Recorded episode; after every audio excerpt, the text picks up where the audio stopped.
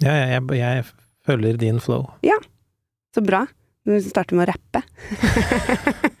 Liten freestyle. Um, vil ikke det. Velkommen til Fru Alstad inviterer, en podkast der jeg, Mette Alstad, snakker med interessante og morsomme mennesker. Og i dag har jeg besøk av lege, samfunnsdebattant og influenser Kaveh Rashidi. Takk. Hei. Hallo! Influenser også? Ja, hva syns du om det? Nei, det er vel eh, noe andre bestemmer at jeg er, da. Hvis de mener at jeg er en influenser, så er jeg vel det. Jeg føler jo at du er det, for du har ganske mange følgere. i er det det som er uh, definisjonen?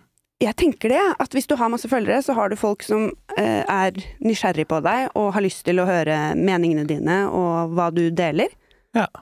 Og så har du fått sponsa litt bad og sånn, har du ikke det? Jo, jo. Det er de to tingene. Interiørspons og mange følgere. Ja. Da er man influenser. Ja, jeg er sikkert blitt det. Um, jeg tar meg ikke så veldig nær av det, men det er heller ikke en sånn Det er ikke noe jeg smykker meg med. Nei. Tittelen Har du blitt influencer. invitert til sånn Wix, Wixen, faktisk? Vixen Awards og sånn? Jeg har til og med vunnet en Vixen Award. Har du det? Ja, ja, ja. Men Årets eh, gullpenn? Uh, Årets sterke mening. Ja. Mm. Det måtte være det. Det var ikke liksom Men jeg møtte faktisk ikke opp på prisutdelinga, da. eh, av et, altså et aktivt valg, eller du hadde ikke tid? Jeg kunne jo ha fått det til hvis jeg måtte, men det var syke kids hjemme, og det var sånn øh, Ja. Gidder jeg det? Pluss bare ideen om den setningen stresser meg.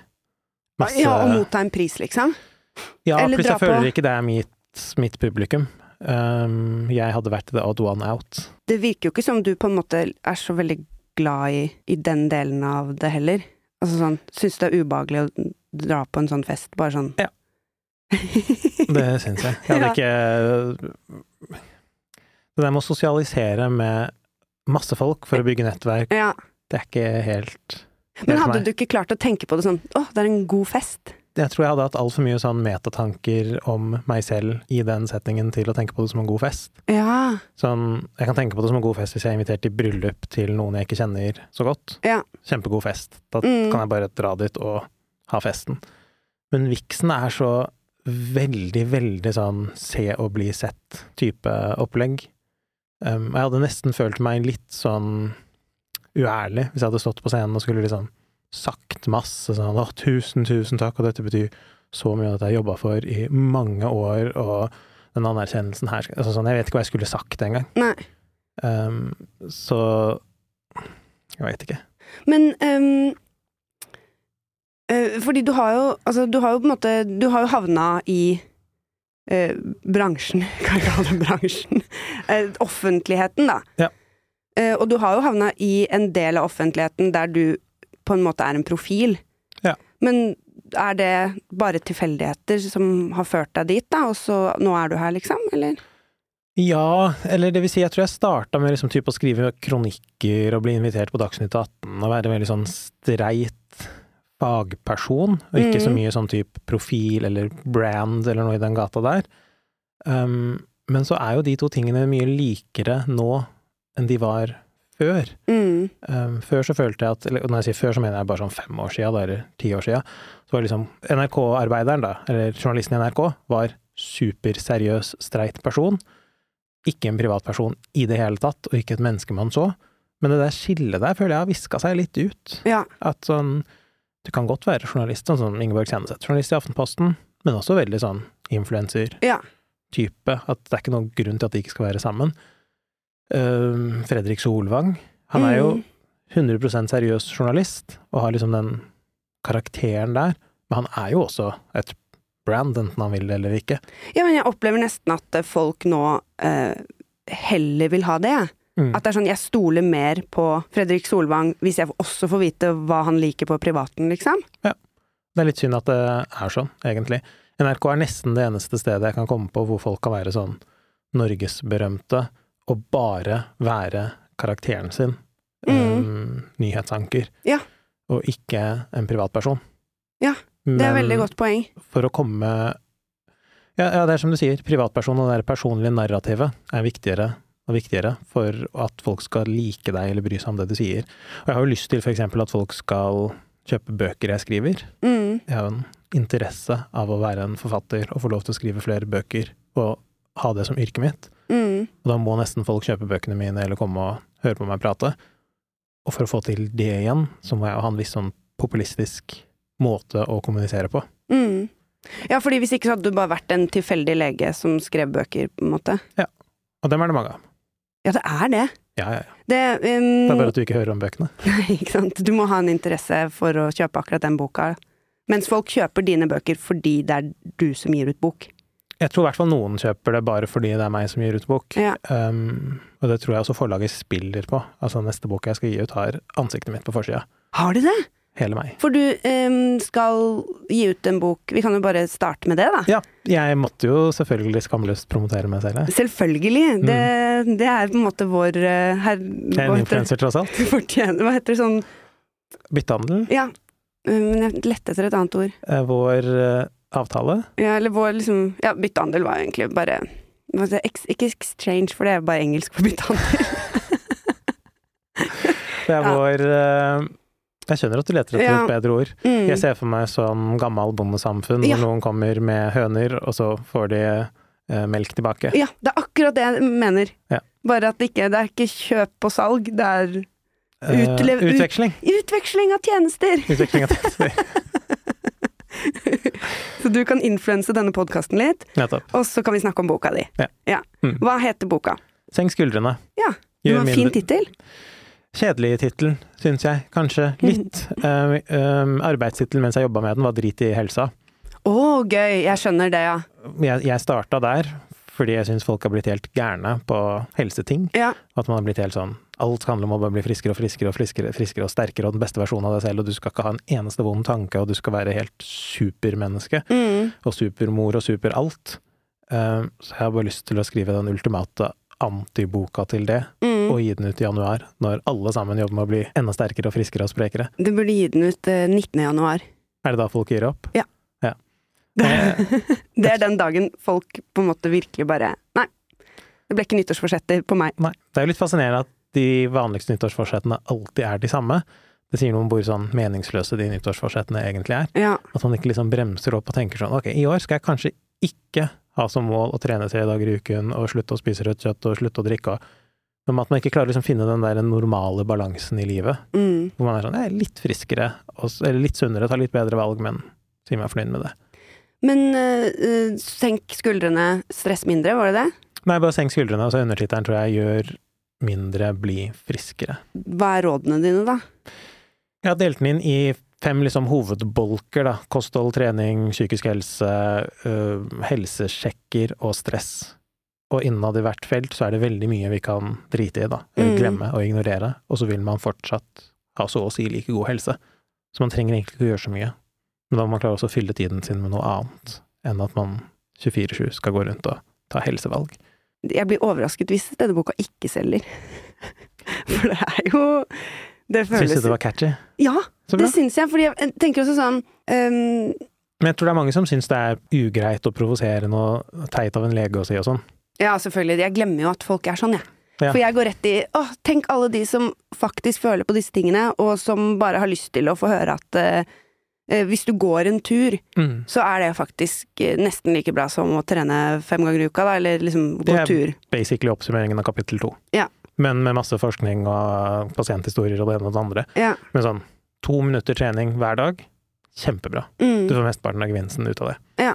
Trenger ikke å liksom ha personlig trener eller fancy pulsklokke eller alt verden ber deg om å gjøre for å bli bedre. For meg så tenker jeg sånn, dette er det folk ønsker seg og trenger, Mm. men så har du sikkert opplevd at det betyr ikke at folk ikke har behov for å si lege, slutt å be folk om å ødelegge seg selv. Ja, det er et eller annet med at uansett hva man sier, føler jeg, eh, når man er en såkalt influenser, Mm. så er det noen som har lyst til å rette på deg og ta det i verst, eller tolke det på verst mulig måte og bare eh, vet ikke, skape masse oppmerksomhet av en ting som ikke egentlig er en ting. Type en kronikk jeg skrev i, skrev i VG i august, som var som ba foreldre om å senke skuldrene, da. Sånn, Mm. slapp av, det går bra, det er ikke verdens ende hvis du gir ungen din litt kokt skinke eller leverpostei eller et eller annet ultraprosessert. eh, Alt med måte. Ja. Gjør ditt beste. Um, og det skapte jo så mye kostholdsgreier, og så mange motdebattanter og motsvar. Altså, folk ikke har skaffet det. For sånn, du kan ikke si at kosthold ikke er viktig, og er, vi skaper jo barna våre med byggesteiner vi setter i munnen deres. Altså, sånn, folk Mm. blir så voldsomt trigga av å snakke om eksempel kostholdet. Ja. Igjen også så blir jeg forundra, fordi eh, det er på en måte den gruppen som putter ord i munnen på deg eh, for at det skal høres ut som det de vil debattere mot, da. Mm. Som også eh, Jeg vet ikke om jeg klarer å si denne setningen så godt, fordi den funker inni hodet mitt. Men det er en gruppe mennesker som kjefter veldig på deg for at du gjør noe du egentlig ikke gjør. Fordi det du sier er eh, her må vi bare slappe av litt. Selvfølgelig, Mm. bry dere fortsatt, men ikke stress hver gang du skeier ut, eller hver gang du gjør noe som ikke er perfekt. Det er jo ikke sånn at du sier drit i alt. Men nei. Du sier mer sånn hvis du gir barnet ditt kokt skinke, så kommer ikke barnet ditt til å dø. Ja, men det er det jeg sier. Ja. Og at uh, greia med eksempel ultraprosessert, da, som jeg skriver mye om i boka, Mm. Er jo at det er en bred kategori. Det er masse mat inni der. Noe er kjempeusunt, noe er litt usunt. Ingenting er dødelig. Det er sånn, ja, McDonald's er kanskje det verste du kan gi barnet ditt, Mm. men kjør på å gi barnet ditt McDonald's en gang iblant. Det går Ja. helt fint. Gi en is en gang iblant. Altså gi en sukker rett fra sukkerposen. Det er ikke verdens ende, liksom. Nei. Um, men det budskapet er ikke så veldig uh, clickbaitete. Så det er liksom ikke det folk får høre. Folk får bare høre sånn mirakelhistorier av sånn ah, sluttet på ultraprosessert, fikk endelig begynne å sove og gå på do. Eller sånn. Ja. Det er ikke virkeligheten. Det er så veldig enten-eller Mm. i de debattene at det er det, De skapes fiendebilder overalt, da. Ja, men det er sånn alle debatter har blitt, føler jeg. Det går ikke an å ha en slags nøytral middle ground lenger. Nei. Det er sikkert litt sånn algoritmedrevet, og de som først klikker seg inn på én ting fra én type influenser, får veldig mye av det, og de andre får veldig mye av det motsatte.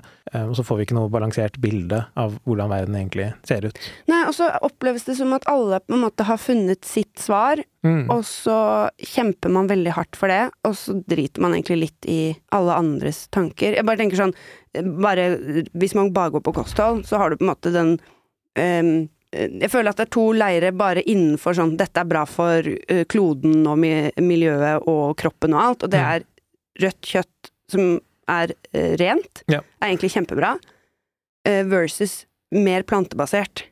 Og de to leirene Mm. har jo kjempebra influensere og debattanter osv. Mm. Begge leirer har bra forskning som sier noe om hvorfor det de mener er riktig, er riktig. Mm. Og de går jo egentlig mot hverandre, så de kan jo på en måte ikke Begge kan ikke ha like mye rett. Jeg tror, begge, jeg tror begge kan ha rett, men at begge overvurderer hvor viktig det de mener er. Hvis man bare tar akkurat det med rødt kjøtt, for eksempel. Eh, Ja, rødt kjøtt er dårlig for kloden, Mm. og rødt kjøtt sånn, relativt sett er dårligere for helsa di enn ehm, planter og vekster i naturen. Ja. Men det betyr ikke at du ikke kan spise rødt kjøtt i det hele tatt, og det betyr heller ikke at alle frukter er bedre enn all rødt kjøtt, hvis eksempel det røde kjøttet er ikke transportert over lang avstand, hvis eh, dyrene har ikke opptatt store landområder som kunne blitt brukt til noe annet. Altså det er veldig mye ifs and buts Mm. som gjør at i praksis så ok, prøv å velge nært og sesongbasert mat, så er det fint. Prøv å begrense litt kjøttforbruket, sånn at dyr får et greit liv uten at altså, Så vi ikke må mette altfor mange munner med bare industriell kjøttproduksjon, som er kjipt for dyrene. Mm. Og da ender du jo opp med å spise litt kjøtt noen ganger, mye frukt og grønt, og ikke ha noen av de sterke meningene. Da blir, da, da blir det liksom ikke en, en pol i noe debatt. Um, men ja, det, det her med følelser oppi alt dette her, sånn som i Oslo nå, i barnehagene så har man jo begynt en greie hvor man bare skal ha Eller hvor, hvor barnehagen ikke skal servere kjøtt, da, Mm. eh, med mindre det er et eller annet spesiell høytid. Ja. Pølse på 17. mai eller Bidos på, i samdagen Mm. sånne slags ting. Og det får jo folk til å igjen gå av skaftet, for de blir så provosert og irritert, og viser til studier av sånn ja, men epler fra uh, Spania er verre for naturen enn kjøtt fra uh, Østfold. Ja. Ja, det er det, men hva så? Jeg også merker det blir litt sånn hva så? Kan vi ikke bare Altså sånn Nå har noen sagt at vi skal prøve dette litt. Grann. Ja. Sett kjøtt i matpakken og finne ut av det på en Det er ikke, liksom, det er ikke så farlig. Og det samme jeg hadde sagt andre veien hvis det hadde vært som vi skal ha kjøtt i alle måltider. Mm. Ok, jeg, jeg mister på en måte litt troen på forskning. Fordi jeg, jeg føler at det er så lett å på en måte bare eh, vite hva man har lyst til å finne svaret på. Ja, Og så det gjøre forskningsprosjekter, og så har man en rapport som man kan vise til, liksom. Ja, det er i hvert fall veldig, veldig, veldig lett å ha et utgangspunkt, eller en følelse i utgangspunktet som du går etter, og så lete etter svar som backer deg. Mm, Det kan du gjøre på ethvert spørsmål, og så finner du det du har lyst til. mm, Og så tror du at du har funnet objektive sannheter, men så har du egentlig bare lett etter det du finner. Og det gjør vi alle veldig ubevisst. Det er litt av det som er problemet også, at hvis du går til en person da, som sier at rødt kjøtt er livsfarlig og bør liksom ingen spise, eller en som sier at rødt kjøtt er kjempebra og bør spises hele tida, mm, begge de to, både bevisst og ubevisst, leter etter informasjon som backer dem selv. Ja. Og det gjør for så vidt jeg også. mm, Jeg også skaper jo en bok ut ifra en idé jeg har om alt med måte, og det går bra, og det er ikke noe vits i å stresse det for mye. mm, Og da ender boka mi opp med masse forskning som støtter akkurat det. mm. Men jeg tror nivået over det, hvis du liksom skal heve deg fra personer, da må du over til sånn myndighetenes råd. Ja. Så det er derfor jeg ofte ender opp der, med sånn Men det, det også føler jeg har skjedd de siste årene, at folk slutter å stole på myndighetene òg. mm, At eh, Ta for eksempel den debatten, vi er jo småbarnsforeldre begge to, eh, bare det med grøt, da. mm, Eh, babygrøt. mm, Hvor eh, i det ene øyeblikket så eh, kjemp, er det masse folk som kjemper mot at man i det hele tatt skal servere ferdiggrøt, mm, og så kommer det en kronikk fra helsepersonell som sier at eh, nå begynner vi å se små barn som er undervektige. mm, Fordi de får ikke i seg nok næring, fordi foreldrene har begynt å lage denne grøten, mm, og så har de på en måte ikke nok kunnskap. De har funnet en oppskrift, da, mm, og så har de kanskje ikke den interessen som de som har laget oppskriften, mm, til riktig type ernæring også utenom denne grøten. Ja. Eh, og så blir den kronikken tolka da av den leiren som er veldig forkjemper for å lage ting, som eh, at myndighetene på en måte er kjøpt og betalt for, da. Mm. Og da syns jeg som småbarnsforeldre at det begynner å bli ganske skummelt å vite liksom noe som helst. Eller sånn Ja, det er umulig å vite noe som helst. Ja. Hvis, hvis du prøver å være en nøytral part, så ender du bare urolig, på en måte. Ja. For du blir dratt så hardt til begge polene. Mm, Og igjen, det er veldig, veldig lett å ta utgangspunkt i at jeg har lyst til å tro på den ene siden, og da finner du mer enn nok til å støtte den ideen din. mm, Det er veldig lett å finne eh, dokumentasjon for ideen om at barn ikke burde få ferdiggrøt hvis de har muligheten til å få hjemmelaga grøt, for hjemmelaga grøt er bedre. Det kan jeg støtte 100 Men det Mm. er også veldig lett å finne dokumentasjon medisinsk for å si at det går helt fint å bare gi ferdiggrøt, og hvis ikke du har tid, dropp å lage den hjemmegrøten. mm. Det går helt fint. Jeg, jeg hacker eh, hjemme, nei, ferdiggrøten noen ganger, jeg. Hvordan da? Eh, at jeg putter litt havregryn og litt sånn hysjeflak eh, i en bolle, og så heller jeg på kokende vann, og så heller jeg på noen skjeer med sånn ferdiggrøt. Der har du en businessidé. ja! Jeg må lage blogg. Men eh, det er synd at det er sånn, fordi vi veit veldig mye om barns kosthold, men folk som trenger å vite det, får ikke vite den informasjonen, fordi Nei. man bare er Alle bare skriker så høyt og krangler så mye, og hvis jeg prøver å være en slags um, roens stemme, Mm. så går ikke det heller, fordi hva enn jeg sier, ender opp som ammunisjon for én gruppe, og som sånn profeti for den andre gruppen, og så er det sånn så gidder jeg ikke. Nei. Den kostholdsgreiene bare meldte jeg meg ut av. Alle bare feiltolker meg hele tiden, og det er umulig å nå frem med et budskap. Folk skal enten elske meg eller hate meg, og det er sånn Åh, det er så slitsomt. Ja. Det er så voldsomt slitsomt. Og så allikevel så er du på en måte avhengig av det fordi du skal selge bøker. Nei, men uh, det er et godt spørsmål da, hvor avhengig er jeg av å selge bøker, egentlig, og det også har jeg liksom mista litt, fordi man uh, Innsideinfo er fra bokbransjen, man tjener ikke en dritt på bøker i Norge. Nei. Sånn med mindre Det, det er typ ti stykker, da, i Norge, som tjener mye på bøker. Mm. Uh, De Jo Nesbø. Nesbø. Det er Han er de ti.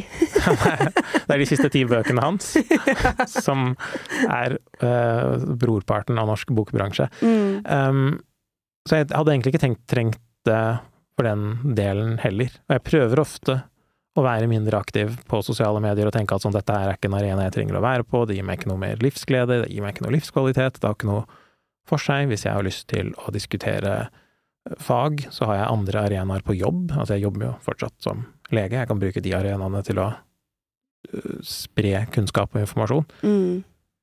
Men så ender jeg Jeg er jo også bare en slave for disse her algoritmene og mobilavhengigheten og alt det der. Så jeg ender opp med å poste ting på Instagram, og så blåser det opp, og så blir det sånn åh, ja ja. For det må jo være en trang der, eller et eller annet behov for å bryte gjennom den lydmuren eller noe, da. Ja, jeg er litt usikker på hva den er, jeg også. Fordi det, det, det tror jeg generelt gjelder med sosiale medier, at i starten supergøy, og så etter hvert så har man blitt helt sånn nummen for det, og så litt som drikking. Ja. Folk som har et drikkeproblem. Etter hvert gir jo ikke noe glede. Du bare gjør det fordi sånn Det er bare sånn Ja, nå er det torsdag, jeg burde jo poste noe. Ja. Ja. Eller sånn Nå skjedde det noe, men har det skjedd hvis jeg ikke poster det? Ja. Um, typ da en gæren dame fulgte etter meg på Sats og begynte å filme meg og sånn. Mm. Så satt jeg på garderoben etterpå, i garderoben, og hadde rømt fra henne. Mm. Og da sitter jeg der og tenker sånn Skal jeg poste dette på Instagram? Mm. Da går det en sånn vurdering inn i meg hvor jeg sikkert burde ha endt opp på nei, drit i det, ikke gi henne mer oppmerksomhet, noe kjipt skjedde, trenger ikke Ja. gjøre en greie ut av det. Men så klarer jeg det ikke helt. Så må jeg poste det. Og så blir det en sak på Vega, og så blir det en sak i tusen aviser og medier, og så kommer Charters veien og kaster seg på og sånn. Men jeg syns ø, oppriktig at det var bra at du delte det, fordi jeg hadde ikke fått med meg det hvis ikke. Og Men hva hjalp det at du fikk det med deg? Uh, at jeg uh, får medfølelse for deg, og at jeg syns det er absurd at vi har havnet i et samfunn der folk tenker at det er helt lov å filme folk uten å uh, be om lov. At Jeg jeg, jeg syns det, men sånn uavhengig av egentlig deg i det, da, men bare sånn Det at folk tenker han er en offentlig person, da kan jeg filme han og gjøre hva jeg vil med han, det syns jeg er ordentlig ubehagelig å vite at vi lever i et sånt samfunn. Ja, jeg ser den. Og den informasjonen kunne du ikke fått hvis ikke det var et brand eller en profil eller en kjent person kobla til det. Det hadde liksom ikke vært godt nok å bare si sånn generisk 'noen mennesker blir filmet på treningsstudioet'. Det hadde Ja. liksom ikke vekket følelser i deg, for det hadde ikke vært et narrativ eller en kjent person eller et ansikt eller en historie rundt det. Ja, og så syns jeg det er ubehagelig hvor lett folk tar opp telefonen og på en måte bare bestemmer seg for at nå skal jeg fortelle min historie i dette. Mm. Og jeg skjønner jo at alle gjør jo det i sosiale kanaler, uavhengig av på en måte nesten hva det er, men jeg tror jeg bare Jeg tror jeg syns det er litt ubehagelig at enkeltmennesket har fått så mye makt. At Ja. jeg, jeg stoler veldig på at øh, som samfunn så har vi godt av at noen bestemmer mer enn andre, da. Mens det jeg føler jeg ser på, er bare at hele samfunnsstrukturen vår krakelerer. Fordi den ja. alle mener at de har rett Mm. og rett til å gjøre alt, og nå er jeg mitt eget medie, og jeg slutter å stole på myndighetene, jeg slutter å stole på de store avisene. Ja, jeg tror i hvert fall det er en sånn gruppe, da, men jeg tror kanskje ikke de er så mange som man tror. Det er bra du sier. Kanskje det er sånn et sted mellom 5 og 15 prosent av befolkningen, da, som er helt sånn helt off. Ja. Eller som mener at de er on og alle andre er off, da. Um, de tror jeg alltid har vært der. ja. Jeg tror det er en sånn konstant gruppe. Um, De bare syns mye mer på sosiale medier. mm. Men det var bare mye bedre når de var, eh, bodde i en hytte ute i skauen alene og hadde sånn eh, lavfrekvens båndradio som de sendte ut informasjonen sin til de aller nærmeste. Mm. Men nå er du like viktig og like synlig hvis du er en sosial medieprofil med mange følgere, Mm. som hvis du er en person med faktisk kompetanse Ja. eller erfaring. Og det er kjipt. Og så Ja. tror jeg bare det er litt sånn, sånn Sånn blir det når sosiale medier har kommet så raskt opp. Mm. Og så får jeg håpe at en eller annen yngre generasjon blir bedre på å mestre de der mediene på en måte sånn at det ikke blir bare galskap av det. Ja. Fordi jeg tenker jo at samfunnet er avhengig av tillit for å funke. Jeg er enig, og den tilliten, i hvert fall til helsemyndigheter og helseråd, er ganske borte hos en del folk. Mm. Ikke er er den bare borte, men man har sånn automatisk mistillit. Ja. At sånn, hvis staten sier det, da er det sikkert et eller annet fra et legemiddelfirma, da er de sikkert lurt, da er de en del av en eller annen sånn greie de ikke forstår seg på. Mm. Jeg er jo også da ofte av disse antivakserne vist som et menneske som på en måte bare er betalt av Pfizer og Merck og alle disse selskapene, og å ja, han øh, har spaltist i Aftenposten, men Aftenposten sitter i styret til Pfizer, og Pfizer er jo egentlig den som lønner han, og Ja. um, bare sånn total mistillit til at å ja, nei, men jeg er bare en lege, jeg har bare en kjedelig utdannelse fra Universitetet i Oslo, og så bare gjør jeg den jobben min, liksom. Men som lege, ser du eh, endring i eh, folks eh, vaner? Sånn bruk av helsetjenester og eksempel vaksiner og sånn? Altså, opplever du en forskjell fra før uh, særlig pandemien og den vaksinen kom opp, da, og det ble sånn ekte Jeg eh, føler at folk er veldig mye mer enten-eller. Enten så skal de ha vaksinen med en gang den kommer fordi de har kjempetroa, mm, eller så skal de absolutt ikke ha den. Uh, og så føler jeg også at før, si for ti år siden, da, på et fastlegekontor, så er det mye vanligere at pasienter kommer med symptomer. At sånn ja, vondt i magen og lurer på hva det kan være. mm, Men nå kommer de veldig ofte med diagnosen som de tror er riktig. Sånn 'jeg tror jeg har cøliaki, ja. kan du sjekke det?' Um, og det er fair enough, det er, det er ofte riktig, men det er bare en litt annen måte å tenke på konseptet helse og legens rolle i det. Ja. For det jeg egentlig kan, er å um, høre om symptomene dine, høre om hva som plager deg, og så ut ifra det resonnere meg frem til diagnose og behandling. Mm, Men nå har det blitt mer sånn at ja, det er veldig mange som allerede har diagnosen og behandlingen i boks og bare vil ha den bekrefta. Og hvis det er da ikke er enig i den påstanden, da er det en ganske lang vei å på en måte spore seg først ut av det. mm. Sånn at jeg tror ikke det er det, for på grunn av det og det og det, og så må vi starte på nytt igjen.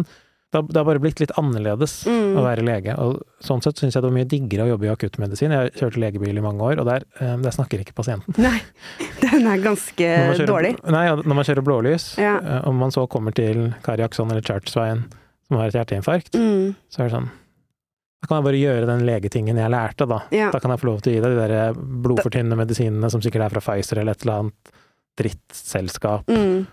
Og så er det ikke noe mer ved det. Nei, det er ikke en som roper sånn 'Jeg nekter at Kave skal behandle meg'! Nei, det, og det er egentlig ganske Akkurat som fastlege så er det veldig digg, fordi pasientene velger deg jo, så det er ingen Mm. som ikke liker meg, som har meg som fastlege. Um, jeg syns det er vanskeligere å møte mennesker hvis eh, rolleavklaringene ikke er tydelige. Mm. Hvis man skal være 100% likestilt med pasienter, så er det litt vanskelig, fordi på et eller annet tidspunkt så må på en måte legen, akkurat som rørleggeren eller elektrikeren eller mekanikeren, få lov til å si sånn, vet du hva, dette vet jeg.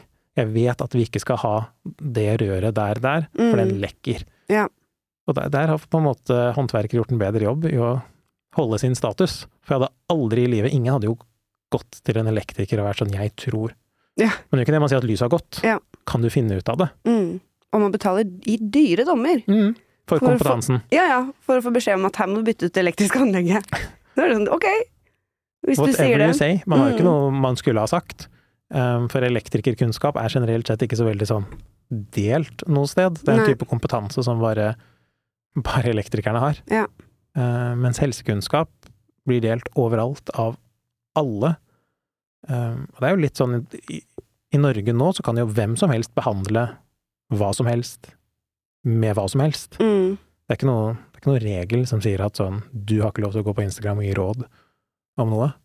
Du kan gå til hvem som helst, du, og bare si 'jeg har et godt forslag til hva du skal gjøre med det problemet ditt'. Ja, Så det eneste på en måte, legene har foreløpig monopol på, er å skrive ut resepter? Fortsatt? Ja, og der også har det blitt et skifte, da, hvor pasienten i større grad bestemmer, eller bestiller, Mm. sammen med sykemeldinger. Sånn, er det egentlig jeg som fastlege som bestemmer om du skal bli sykemeldt, eller er det du som kommer og sier at jeg trenger en sykemelding? Ja. Har jeg, har jeg på en måte rom til å si at jeg tror ikke du trenger en sykemelding, eller at jobb kan være bra for deg hvis du har bestemt deg for at du trenger en sykemelding, så er det på en Mm. måte allerede gjort. Um, Ja, det er ganske krevende, faktisk. ja, og så tror jeg det er en sånn pendel som svinger her. At det, er, det finnes en fin gyllen middelvei, hvor ikke legen liksom skal være en arrogant drittsekk som bare bestemmer alt, Mm. men hvor heller ikke for mye makt skal være hos pasient. Um, den er bare litt vanskelig å finne. Ja, det skjønner jeg. Jeg går til legen for å få på en måte et, et svar, jeg. Føler at jeg, jeg stoler ikke på meg selv. Men det er en kjempegod egenskap å ikke stole på seg selv, for vi kan jo veldig lite Mm. om det meste. Og jeg stoler ikke på meg selv på det aller, aller, aller meste i livet. Ja. Um, så bruker jeg folk som har kompetanse innenfor det feltet. Men det er noen folk, da, som er veldig opptatt av sin egen mening og tror at de har skjønt noe resten av verden ikke har skjønt, og at de som har en slags forståelse som, som mangler hos leger eller hos andre, andre folk. Noen ganger så føler jeg at liksom, når man diskuterer disse tingene, så diskuterer man jo ikke på en måte egentlig med de som trenger det, eller sånn eh, Ta for eksempel det med mat og sånn, da. Ja. Så er det en diskusjon, og så er det noen som kanskje faktisk hadde hatt kjempegodt av disse rådene, Mm. som egentlig aldri får med seg at det er en diskusjon engang.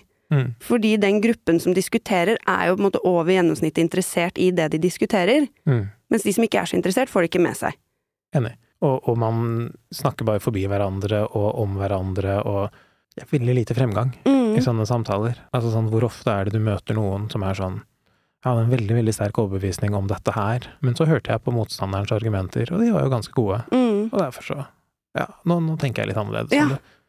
Det er veldig, veldig sjeldent. Ja. Og det inkluderer meg også. Du kan veldig lett forutsi hvilken side jeg kommer til å ta i enhver sak Ja. som dukker opp. Mm. Og det er midt, midten. det er den kjedelige midten. Um, men det gjelder så alt mulig. Man, man har liksom to kategorier, enten den ene ytterverdien eller den andre som man skal være del av. Sammen med, Midtøst, med Midtøsten-greiene. Mm. Enten så er folk sånn fy fader, dette her må bli våpenhvile nå, dette er galskap, slutt å drepe barn. Mm. Flertallet er jo, syns jeg, heldigvis der. Ja. Så er den andre gjengen som er sånn ja ja, men Hamas gjorde dette med vilje, og Israel har ikke noe valg, og eh, de må gjøre det de gjør. Mm. Dette er den eneste måten å nå fred på. Og det er sånn, ja vel, da skal vi være uenige om det, og mens dere krangler om det, så skal folk dø, og vi skal Ja. få mer eh, hat mot både muslimer og jøder i hele verden. Jeg, jeg skrev noe på Instagram om Midtøsten som var noe à la um, drit i politikken og drit i historien og hva som er riktig og galt. Vi kan bare alle være enige om at barn ikke bør drepes, og at liksom, det Mm. er greit å slutte å bombe lite grann nå, sånn at vi får folk ut. Mm. Og at uansett hvor kjip krigen er, vann og strøm og helsehjelp, det bør folk få. Ja. Man skulle ikke tro at det liksom maner opp til en fight, på en måte, men det gjør jo det. Mm. Det er jo kjempeprovoserende for mange å høre. Og kommentarfeltene går helt amok med folk som er sånn ja, men hva med, hva med, hva med? Det Sånn. Ja, Og det, det er egentlig ikke så veldig annerledes enn hvordan kostholdsdebatten er og alt annet sånn offentlige debatter. Det er bare stygt og kjipt, og alle er eksperter på alt, skal ha en sterk mening som er så viktig for dem å få frem. akkurat nå så føler jeg også at det er på en måte Folk er så hjelpeløse, da. Mm. For, eh, altså, det er jo ikke første gang det skjer helt forferdelige ting i nyere tid. Nei, og det skjer mye forferdelige ting parallelt også, Ja. med den ene store som vi hører mye om. Mens nå oppleves det som at mennesket, eller i hvert fall i Norge, at vi bare Vi, bare, vi skjønner ikke lenger hva vi kan gjøre. At jeg, tror vi, jeg tror bare det derre teppet er dratt eh, vekk foran øynene på alle, da. Mm.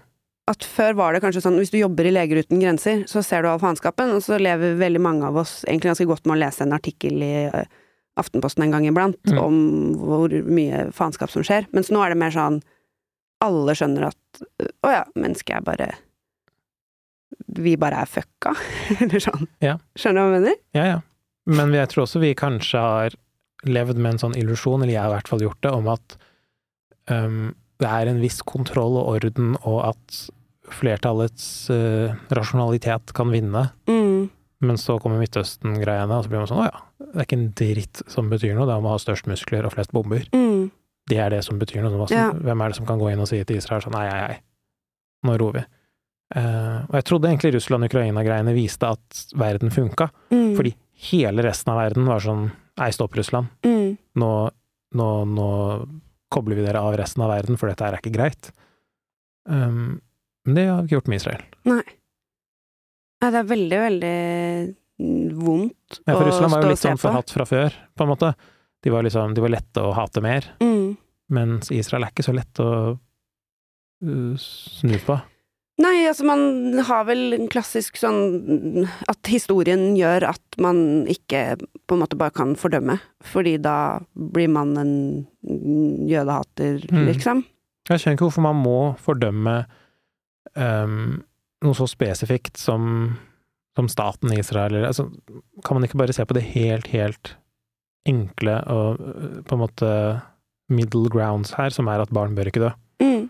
Vi starter der. Og, og også sånn, hvis du skal starte en krig, hva med å i hvert fall eh, gi muligheten til at folk kan rømme hvis de ikke vil være med, da? Mm.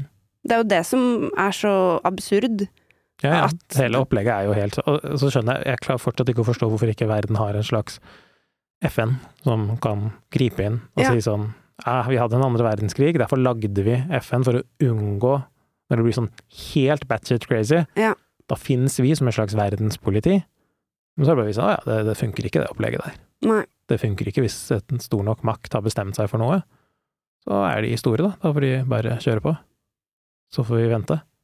Nå har jeg, hørte jeg at Um, allerede nå så er det noe av typen sånn Eller hvor mange er det som egentlig bodde i Palestina? To millioner eller noe? Mm. Og hvis da si 10 000 av de har dødd, det er jo langt mer enn det nå, så er det selv 10 000 er hver 200.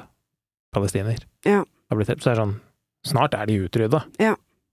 Hvis vi, den krigen her fortsetter I det tempoet òg. Ja, ja, ja. Så er det sånn Vi kan godt bare wait it out, virker det som. Det er det folk gjør. At sånn når de ikke er flere igjen, da er krigen ferdig. Mm. Men jeg mister, jeg mister oppriktig bare troen på mennesket. Jeg går dit.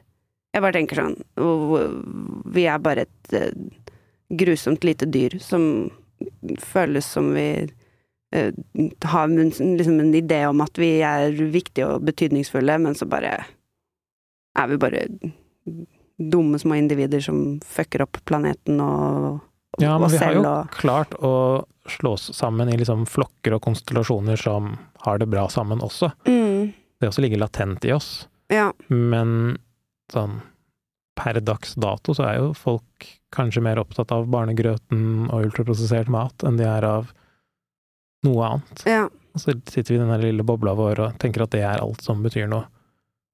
Og så går verden i det litt større bildet en helt annen retning, altså. Ja. Jeg, jeg tenker jo ikke at mennesket er enten ondt eller godt eller noe sånt. Jeg tror jo bare vi, vi er det vi er. Men sånn, er det noe håp for eh, liksom hele samfunnet hvis det fortsetter sånn her? Er det fortsatt sånn som hva heter han, Hans Røsling Mm. sa en gang i tiden at i utgangspunktet så har vi det bedre enn vi noen gang har hatt det. Mm. Er det fortsatt sånn, eller er vi bare på vei nedover nå?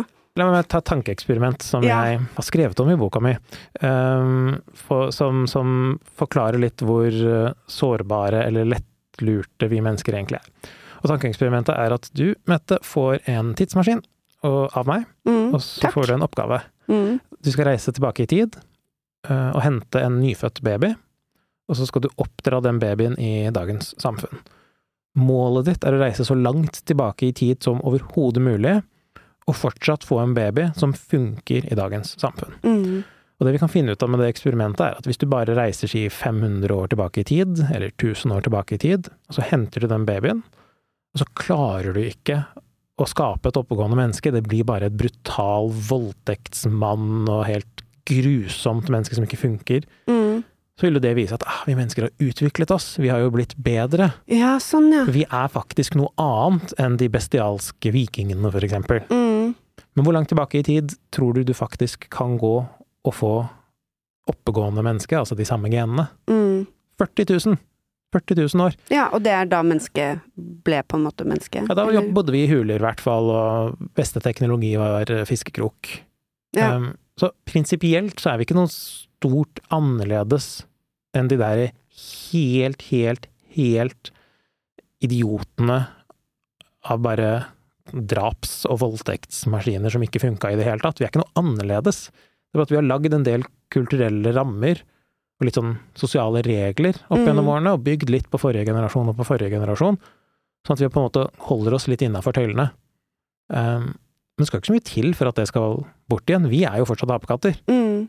Um, det, er, det er jo sårbart. Det skal jo veldig lite til for at vi skal oppføre oss som eh, helt jævlige mennesker som vi har gjort før, for vi er ikke noe annerledes enn det de var før. Nei.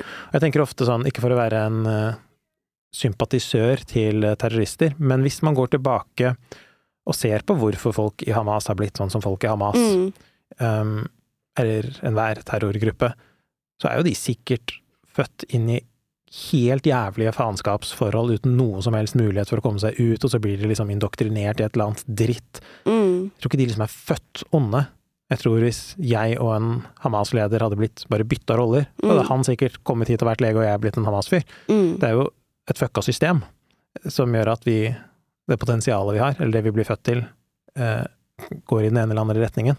Mm. Og Derfor tror jeg også at det, sånn, jeg hører så mange argumenter fra liksom pro denne krigen-siden, som er sånn dette her er den endelige avslutningen. Så blir det sånn, ja ok da, men hva med de folka som overlever dette, her, Ja. palestinerne? Selvfølgelig vil de ha revansj, så de har jo ingenting. Alt de har er blitt tapt og ødelagt og bomba ned. Selvfølgelig blir det et livsmål å bombe dem tilbake. Men jeg tror ikke det går an å gå mot noen heller. Jeg er litt sånn Må man ikke på et visst tidspunkt se fremover til hva som kan bli bra Mm. uansett hvor dritt ting har vært. Mm. For sånn uansett hvordan du vrir og vender på det, så har jo jøder, israelere, hatt det helt jævlig på så mange måter av så mange folk. Mm. Mm, Det har palestinere også. Alle har hatt det helt jævlig. Mm. Sånn, utenom vi to her som sitter og Ja, ja, oppvokst i Norge, Snakker i en podkast, liksom. om grøtedebatten. ja. Vår største krise var smørkrisen for Mm. ti år siden, som vi sa. ja. Men Når det ikke ble pepperkaker det året, liksom. uff. Mhm. Mm, Så, så vi kan jo uansett aldri skjønne helt hvilket opplegg de kommer fra. Um, nei, jeg vet ikke hva jeg skulle med det. Nei, men jeg skjønner. Men jeg tenker sånn også bare Er det på en måte Er det liksom mulig at eh, hele menneskeheten kan ha det relativt bra, på en måte? Samtidig. Mm. Det, jeg tror det er mulig at flere enn de som har det bra nå, skal ha det bra samtidig, i hvert fall. Ja. Fordi antallet svære konflikter har jo siden andre verdenskrig gått ned. Og så kom disse her Ukraina- og Midtøsten-greiene og blussa opp. Mm. Men sånn rett før det Ja. Bare sånn Da var vi nede i det normale antallet helt for jævlige konflikter i verden. Mm. Um, så det går jo an å få ting bedre og fredeligere. Um, men det virker som en del av de der store riggene vi har satt opp, ikke funker sånn veldig godt til det. Eksempelvis FN og det store verdenspolitiet som skal skape en trygg jord. Ja. ja, det fantes jo før i tiden òg, fantes det jo regler i krig. Det er jo bare Det driver man ikke med lenger. At det ikke var lov å bombe sykehus og sånn. Ja, ja. men det er jo fortsatt den regelen, da, men så blir det veldig mye sånn ja, de sier at de ikke har gjort det, eller at de måtte gjøre det, eller et eller annet i den Ja. der. Krigsforbrytelser eksisterer jo fortsatt. Ja. Jeg føler også litt sånn, la oss si da, at du har drept mange titalls tusen mennesker, Mm. og så blir du dømt for det etterpå. Så er det sånn, ja, ja, de menneskene har dødd uansett. Ja. Har, det bidrar ikke til noe, egentlig. Det føles bare så meningsløst ut, hvis ikke det Det er liksom sanksjoner som ikke hindrer noen fra å gjøre noe. Ja, det blir jo bare verre og verre. Mm. Jeg merker jo det at bare vi begynner å prate om det her òg, så blir det jo bare sånn det, all, all, Jeg oppriktig føler at alt føles meningsløst. Ja, av å, av å jeg, jeg har faktisk fått litt andre veien, jeg. Eh, Av både det og klimakrise, så blir jeg litt sånn at eh, shit, for en utrygg verden barna mine lever i. Vi skal søren meg passe på at vi skal ha det bra akkurat nå. Mm. Det som er akkurat nå, betyr noe fordi det er en relativt fredelig Eller det er en fredelig og god tid for de to menneskene som er mine barn. Mm. Vi skal fader meg ut og bygge snømenn og ha det fint nå, mens vi har muligheten. Fordi vi veit jo ikke om i morgen gir naturkatastrofe eller krig eller Mm. hvilke overraskelser som er, som er rett rundt hjørnet. Det syns jeg var skikkelig, skikkelig fint sagt. Det jeg merker at eh, du, du har en evne til å eh, trekke meg opp. og det håper jeg at eh, mange opplever med deg. At det er en av dine evner. At du ser sånn ja, det er helt forferdelig, så hvordan skal vi klare å skape noe eh, bra akkurat her og akkurat nå? Ja, for alt er jo på en måte helt forferdelig hvis man bare øh, ser det perspektivet. Mm. Det er veldig lett å uh, hate livet og seg selv, og bare det å eksistere. Mm. Og føle på skam for at man er heldig og lever, eller privilegert og lever i et uh, i en del av verden hvor vi akkurat nå har det ganske bra, da.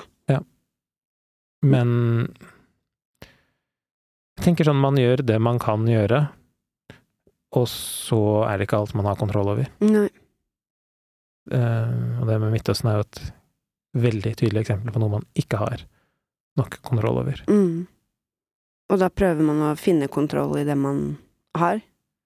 Ja, og man prøver vel kanskje å kontrollere Altså sånn, jeg syns det er fint det å dele ting på Instagram, eller øh, møte opp foran Stortinget, eller noe sånt, eller Mm. kanskje det ikke betyr en dritt. Men hva er alternativet? Skal jeg bare gjøre ingenting? Det er jo litt sånn p- I hvert fall øh, prøve å liksom skape samhold i noe hvor egentlig feil folk vinner på at man skaper splid, da. Mm. Egentlig. Ja. Mm. Um, jeg tror jeg setter en stopper på praten vår der, jeg. Ja.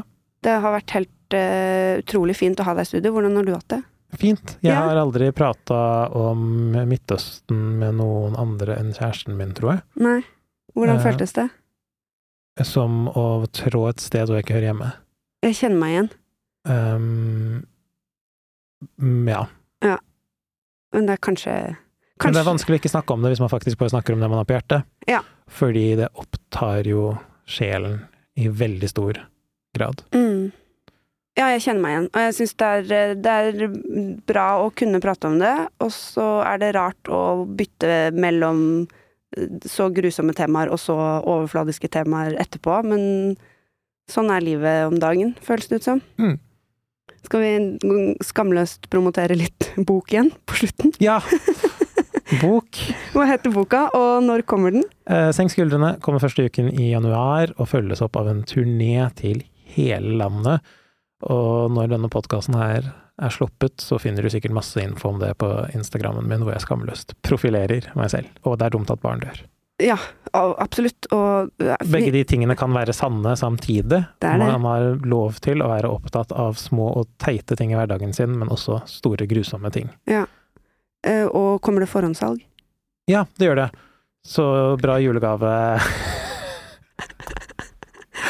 Dette minner meg om da jeg var eh, programleder på TV-aksjonen, Mm. eh, hvor du liksom eh, akkurat har hatt en reportasje fra Sierra Leone hvor det er sånn And we are standing here, and the children are dying. It is hard. Og her i studio så skal vi auksjonere bort Else Kåss Furuseth sine sko for tredje år på rad, dere! Den der overgangen. Ja, Uff, uff, uff. ja det, er, eh, det, Det er er, er beinhardt, rett og slett. Men eh, vi får jo bare tenke på at vi er utrolig heldige som kan ha de overgangene. Ja, og at vi to i hvert fall er veldig tjukke i huet hva angår Midtøsten-konflikten, men bare, vi bare prøver å være en del av løsningen. Ja, Rett og slett. Eh, til alle der ute, eh, eh, betal penger til organisasjoner som er på plass, Ja. og prøver å gjøre mer enn det vi to klarer å gjøre herfra, Ja. i studio. Og jeg har en forkjærlighet for Leger uten grenser, ass.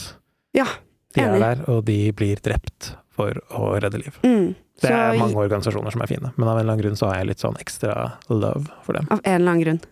Så er leger uten grenser. Men det, jeg er enig.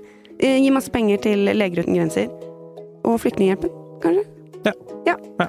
Eh, tusen takk, Kaveh Rashidi, for at du var med i dag. Takk for at jeg fikk komme.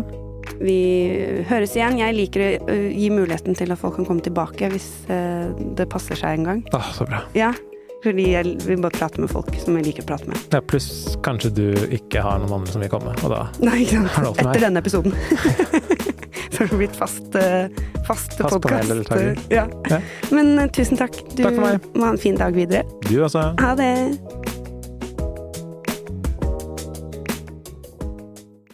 Kiwi er billigst i VGs matbørs og har vært billigst i fire av de fem siste VGs matbørser. Og nå presser vi prisen på påskevarer fram til 1. april. På 591 gram Toro vaffelmiks presser vi prisen fra 35,90 helt ned til 26,90. På 410 gram Lerum jordbærsyltetøy presser vi prisen fra 29,40 helt ned til 22,90. For det er vi som er prispresserne. Og vi i Kiwi gir oss aldri på pris.